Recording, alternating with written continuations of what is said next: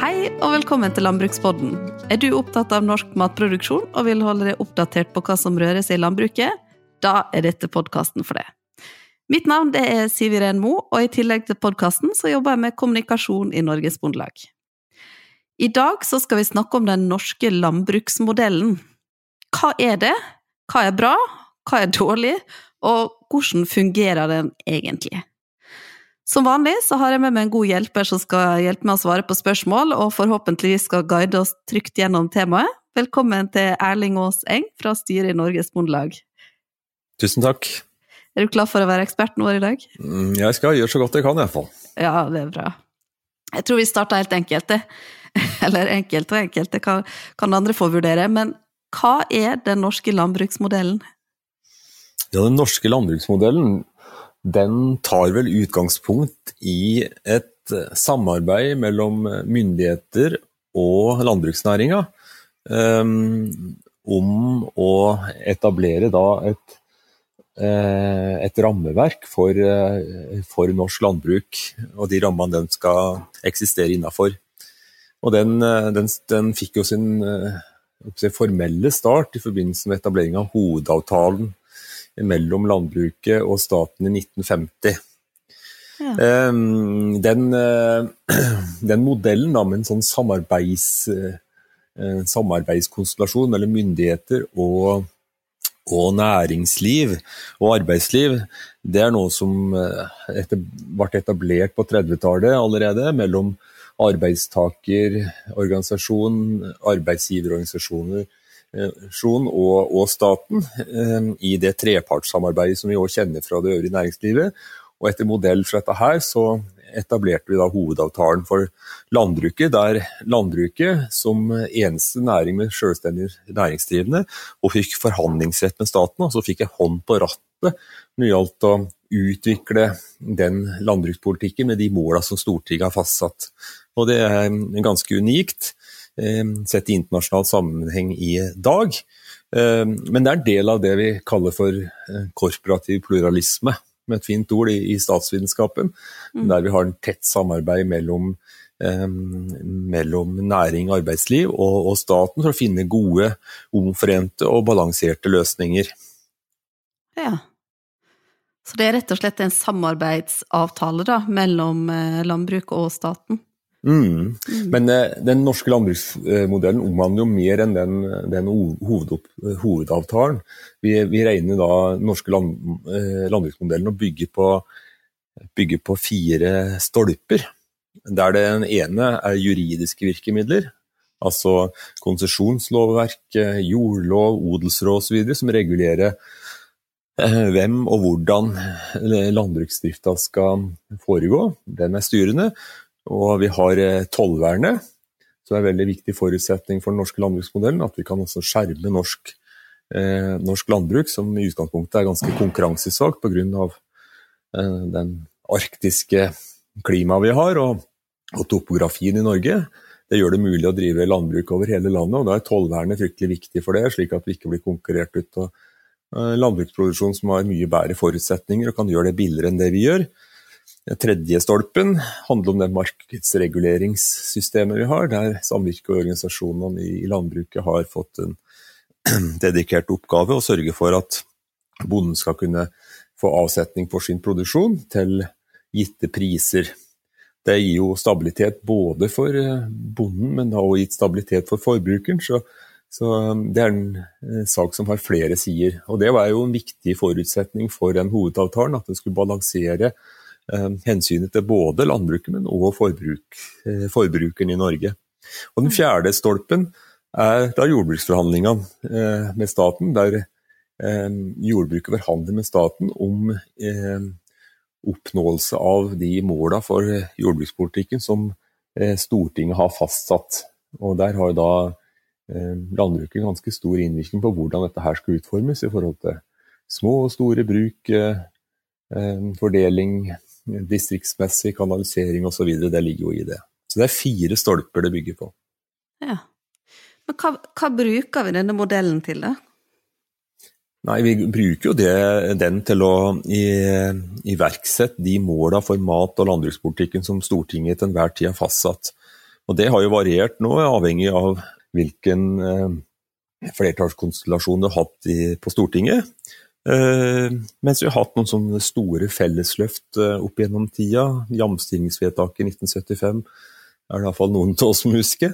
Og, og, vi har hatt flere landbruksmeldinger da, som har satt retning for, uh, for landbrukspolitikken, vedtatt i Stortinget. Og det er da jordbruksforhandlingene sin oppgave å prøve å nå de måla som Stortinget har satt for landbruks- og matpolitikken.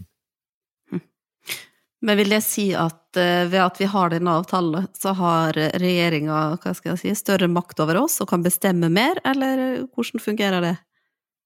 Ja, det var det, da.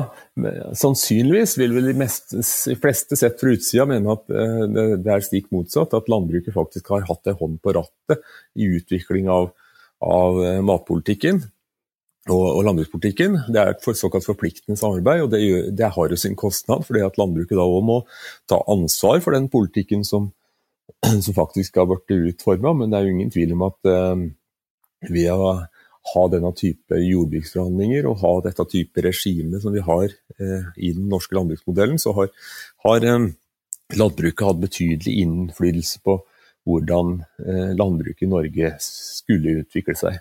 Mm. Så vi har en reell påvirkningskraft på, på hva som skal skje?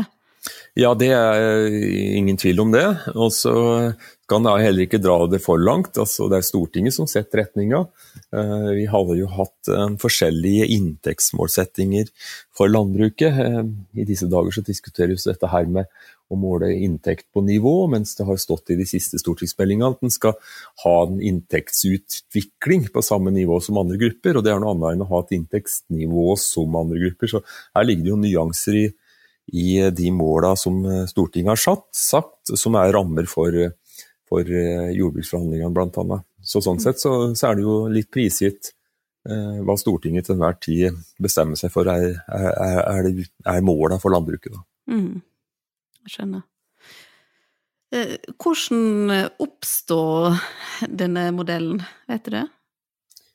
Nei, modellen oppsto jo fordi at eh, Norge på 30-tallet og rett etter krigen eh, utvikla seg i en retning med, med sterkt samarbeid mellom, mellom, interesseorganisasjoner, næringsorganisasjoner, arbeidslivsorganisasjoner og, og staten i den skandinaviske kooperative modellen med, med, med, et samarbeid mellom næringsliv, arbeidsliv og, og, stat for å finne gode løsninger i fellesskap. Eh, så den starta opp, som jeg sa tidligere her, i, i arbeidslivet mellom LO og, og arbeidsgiverorganisasjonen og staten på 30-tallet.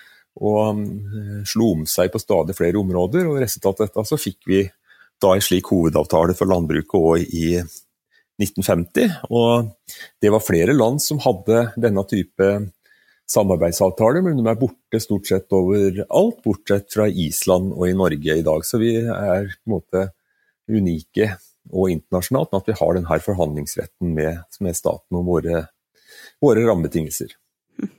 Ja, hvordan fungerer det f.eks. i Sverige, da, når de, når de ikke får påvirke på samme måten?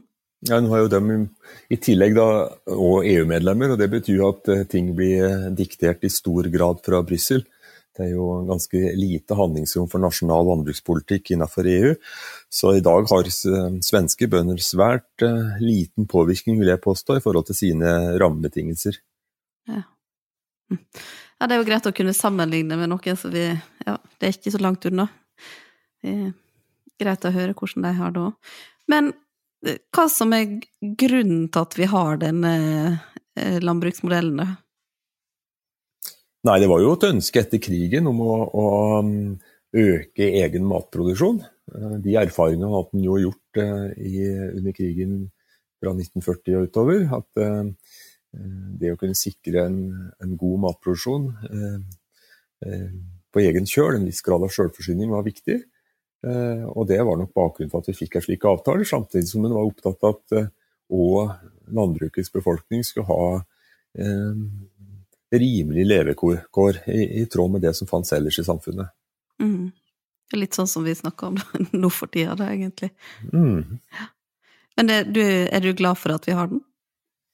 Ja, for vi må diskutere alltid det dette, er ingen, dette, er jo ingen, ideell eller perfekt modell. Men alltid når en diskuterer hva som er perfekt og ikke, så blir det egentlig et valg mellom alternativer som er mer eller mindre gode. Og um, iallfall slik jeg ser det, så, så, er det ikke noen som har kommet opp med en bedre modell som du kan vise til internasjonalt, iallfall i forhold til å gi landbruket muligheter og innflytelse til å, til å påvirke utviklinga si. Det, det, er, det, er, helt sikkert. Så min, min, påstand er at dette her har tjent eh, landbruket godt, men vi har mengdevis av utfordringer både med hensyn til inntektsutvikling og inntektsnivå i landbruket, foruten eh, å ta vare på et landbruk over hele landet. Så dette er ingen perfekt modell, men eh, jeg tror alternativet er atskillig dårligere. Mm. En annen fordel med den norske landbruksmodellen er jo det at den gir ei åpenhet for offentligheten for innsikt i, i landbrukets interesser og forhold, for dette er en helt åpen prosess som foregår hver vår. Eh, det er jo en unik mulighet til å få satt eh, mat og, landbruk på dagsorden hvert eneste år i det offentlige ordskiftet, jeg tror er en fordel eh, for landbruket definitivt sett, men også for befolkninga for øvrig, for å bevisstgjøre dem viktigheten av å holde en egen matproduksjon. Hvis vi ikke hadde hatt hovedavtalen og denne forhandlingsretten, så måtte jo landbrukets organisasjoner ha drevet lobby da, hver eneste høst inn mot statsbudsjettet for å prøve å rake ut noe, noe glør her og, og fått sine interesser ivaretatt eh, i kamp med alle andre poster på statsbudsjettet. Slik det er nå, så har vi forhandlinger på våren eh, der resultatet av forhandlingene blir eh, en, en, premiss for statsbudsjettet som kommer på høsten. og Det er en helt annen, annen situasjon. Og risikoen vil jo òg bli stor for at avgjørelser om hvilke rammebetingelser landbruket skal ha, vil bli avgjort på lukkede møterom i stedet for i et stort offentlig ordskifte eh, på våren. Ville jo absolutt vært et sted hvis vi ikke hadde hatt denne modellen. Så jeg, er, jeg tror det er veldig mange fordeler både for eh, oss som matprodusenter, men òg for opinionen ellers. og muligheten til å sette mat og landbruk på dagsorden skikkelig, en, iallfall minst én gang hvert år. Men hva som ikke er fullt så bra med den, da? den har sine begrensninger. Eh, det er jo en slags konsensusmodell. det vil Si at eh, den krever jo en politisk enighet om at dette her er måten landbruket skal de rammene landbruket skal få utvikle seg innenfor. Men vi har jo de siste åra sett ganske mange angrep på denne her modellen. Ikke minst på det juridiske virkemidlet, Ønsket om å liberalisere eiendomslovgivninga, fjerning av odelslov osv. Som gjør at, eh, at du kan rykke unna ett ben i modellen, og da vil heller ikke resten av modellen stå.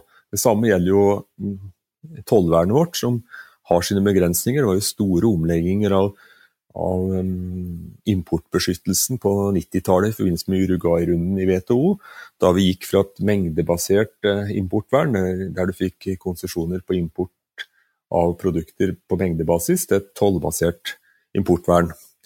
Og mye av det importvernet vi etablerte da på 90-tallet på jordbruksprodukter, det var jo da satt i, i løpende kroner. Men eh, ei krone i 1995 er ikke like mye verdt som det er i 2022. Og det har jo betydd at eh, importvernet har blitt svekka over tid. Eh, samtidig som òg at internasjonale matvarepriser har hatt en fallende tendens.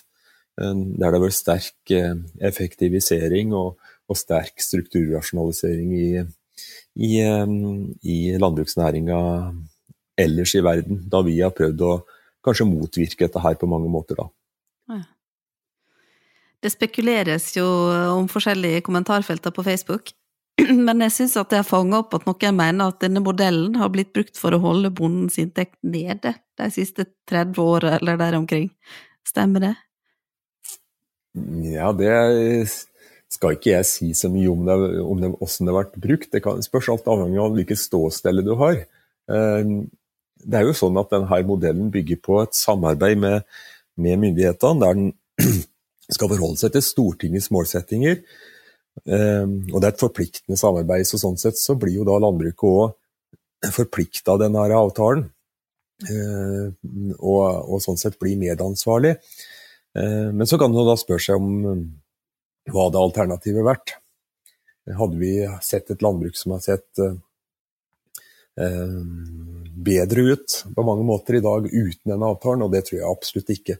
Vi vet jo at vi har hatt politiske konstellasjoner i Norge bare de siste åra ved den blå-blå regjeringa som ønska en helt annen utvikling for landbruket enn det, det vi vitterlig har hatt. Med sterke nedskjæringer i overføringene til landbruket. Gjennom den perioden har jo denne modellen vist seg ganske robust, med at det har ikke blitt de voldsomt radikale endringene i bl.a. budsjettoverføringene i landbruket i den perioden vi har hatt en regjering med partier som ønsker å avvikle store deler av landbruksstøtten. Fremskrittspartiet mm. hadde jo i sitt alternative budsjett i 2013 ønske om å fjerne 6 milliarder fra landbruksstøtta. Så Sånn sett så mener jeg denne eh, modellen nå har vært gitt stabilitet eh, for landbruket, og noen da kanskje mener at det har gitt stabilt eh, svak, svak lønnsomhet og svake inntekter for landbruket. Det, det, skal jeg la ligge, men, men jeg tror også her at alternativet har vært ganske, ganske krevende for norsk landbruk. Mm. Ja, Hvor tror du vi hadde vært da, uten? Nei, Da tror jeg vi kunne ha sett over til Sverige og, og sett på den voldsomme avviklinga vi har sett av landbruket i Sverige, særlig distriktslandbruket. De er jo òg redusert sjølforsyninga si betydelig etter EU-medlemskapet. Så uh, vi har nok vært nærmere en sånn situasjon, sjøl om vi ikke har vært, uh, vært um, EU-medlemmer. Da hadde iallfall landbruket vært mye mer utsatt for vekslende politiske flertall på Stortinget med ulike målsettinger for landbruket, tror jeg, og gitt mye mer, eh, større usikkerhet og mindre langsiktighet. Mm. Det, det, tror jeg heva vår tvil. Eh, men eh, dette blir jo litt hypotetisk. Ja, ja nei, det skjønner jeg. Det gir jo en stabilitet da, som gjør at det er lettere å forholde seg til også for de som driver. Kan det i hvert fall høres ut som for min del. Og landbruket er jo ei langsiktig næring med det vi kaller lange ledetider. Fra du bygger et fjøs og du får en kalv, til du har ei ku som skal gi en ny kalv, som da etter 15-16 måneder skal ha et ferdig slakt, så går det jo mange år. Mm. Så, sånn sett så trenger jo landbruket langsiktige, trygge rammer for å kunne utvikle seg. Ja, ikke sant. Men hvis vi skal prøve å oppsummere det nå, hvis du klarer det på ei eller to setninger, hva er den norske landbruksmodellen først? Og så, hvorfor har vi den? Ja, Den norske landbruksmodellen den er kort oppsummert eh, fire eh, stolper som står på og hviler på. Det er juridiske virkemidler, et lovverk som regulerer bruken av matjorda vår, sikrer at eh, matjorda vår blir brukt til landbruksproduksjon og at den som sitter på den jorda, faktisk driver eh, matproduksjon. Og vi har eh, et, eh, Den andre pilaren er jo da tollvernet, som sikrer oss at vi ikke blir utkonkurrert av mye rimeligere produkter fra områder som har helt andre forutsetninger for matproduksjon enn det vi har. Den er jo helt avgjørende for at vi skal ha en egen matproduksjon. Og kunne ta ut priser som gjør at bøndene nå kan få inntekter å leve av. Og vi har en regulering av markedet som sikrer avsetning for eh, produksjonen vår, og at vi kan ta ut de prisene vi vil i det norske markedet. Og til slutt da at vi har forhandlingsrett med staten om våre rammebetingelser eh, på basis av de måla eh, Stortinget har satt for mat- og landbrukspolitikken. Det er den, det den bygger på. Og, og um, formålet med den er jo både å sikre bonden stabile inntektsforhold og muligheter å ta ut inntekter på like linje med andre i samfunnet. Og samtidig sikre forbrukeren forutsigbare matpriser. Det er jo et interessekonflikt mellom forbruker og bonde når det gjelder pris. Bonden vil ha høyest mulig pris, mens forbruker naturlig nok vil ha rimeligst mulig matvarer. Det er forsøkt balansert i denne modellen. Mm. Det høres ut som eh, at det er bra at vi har den, men det, det kan, vi, kan lytterne sjøl få vurdere. Jeg håper at dere som har hørt på, har lært like mye som meg i dag, for jeg syns dette er veldig spennende. Så tusen takk eh, til deg, Erling, for at du kunne være med her som gjest. Og tusen takk til alle dere som hører på, det setter jeg stor pris på. Mitt navn er Siv Iren Mo, og du har hørt på Landbrukspodden, en podkast fra Norges Bondelag.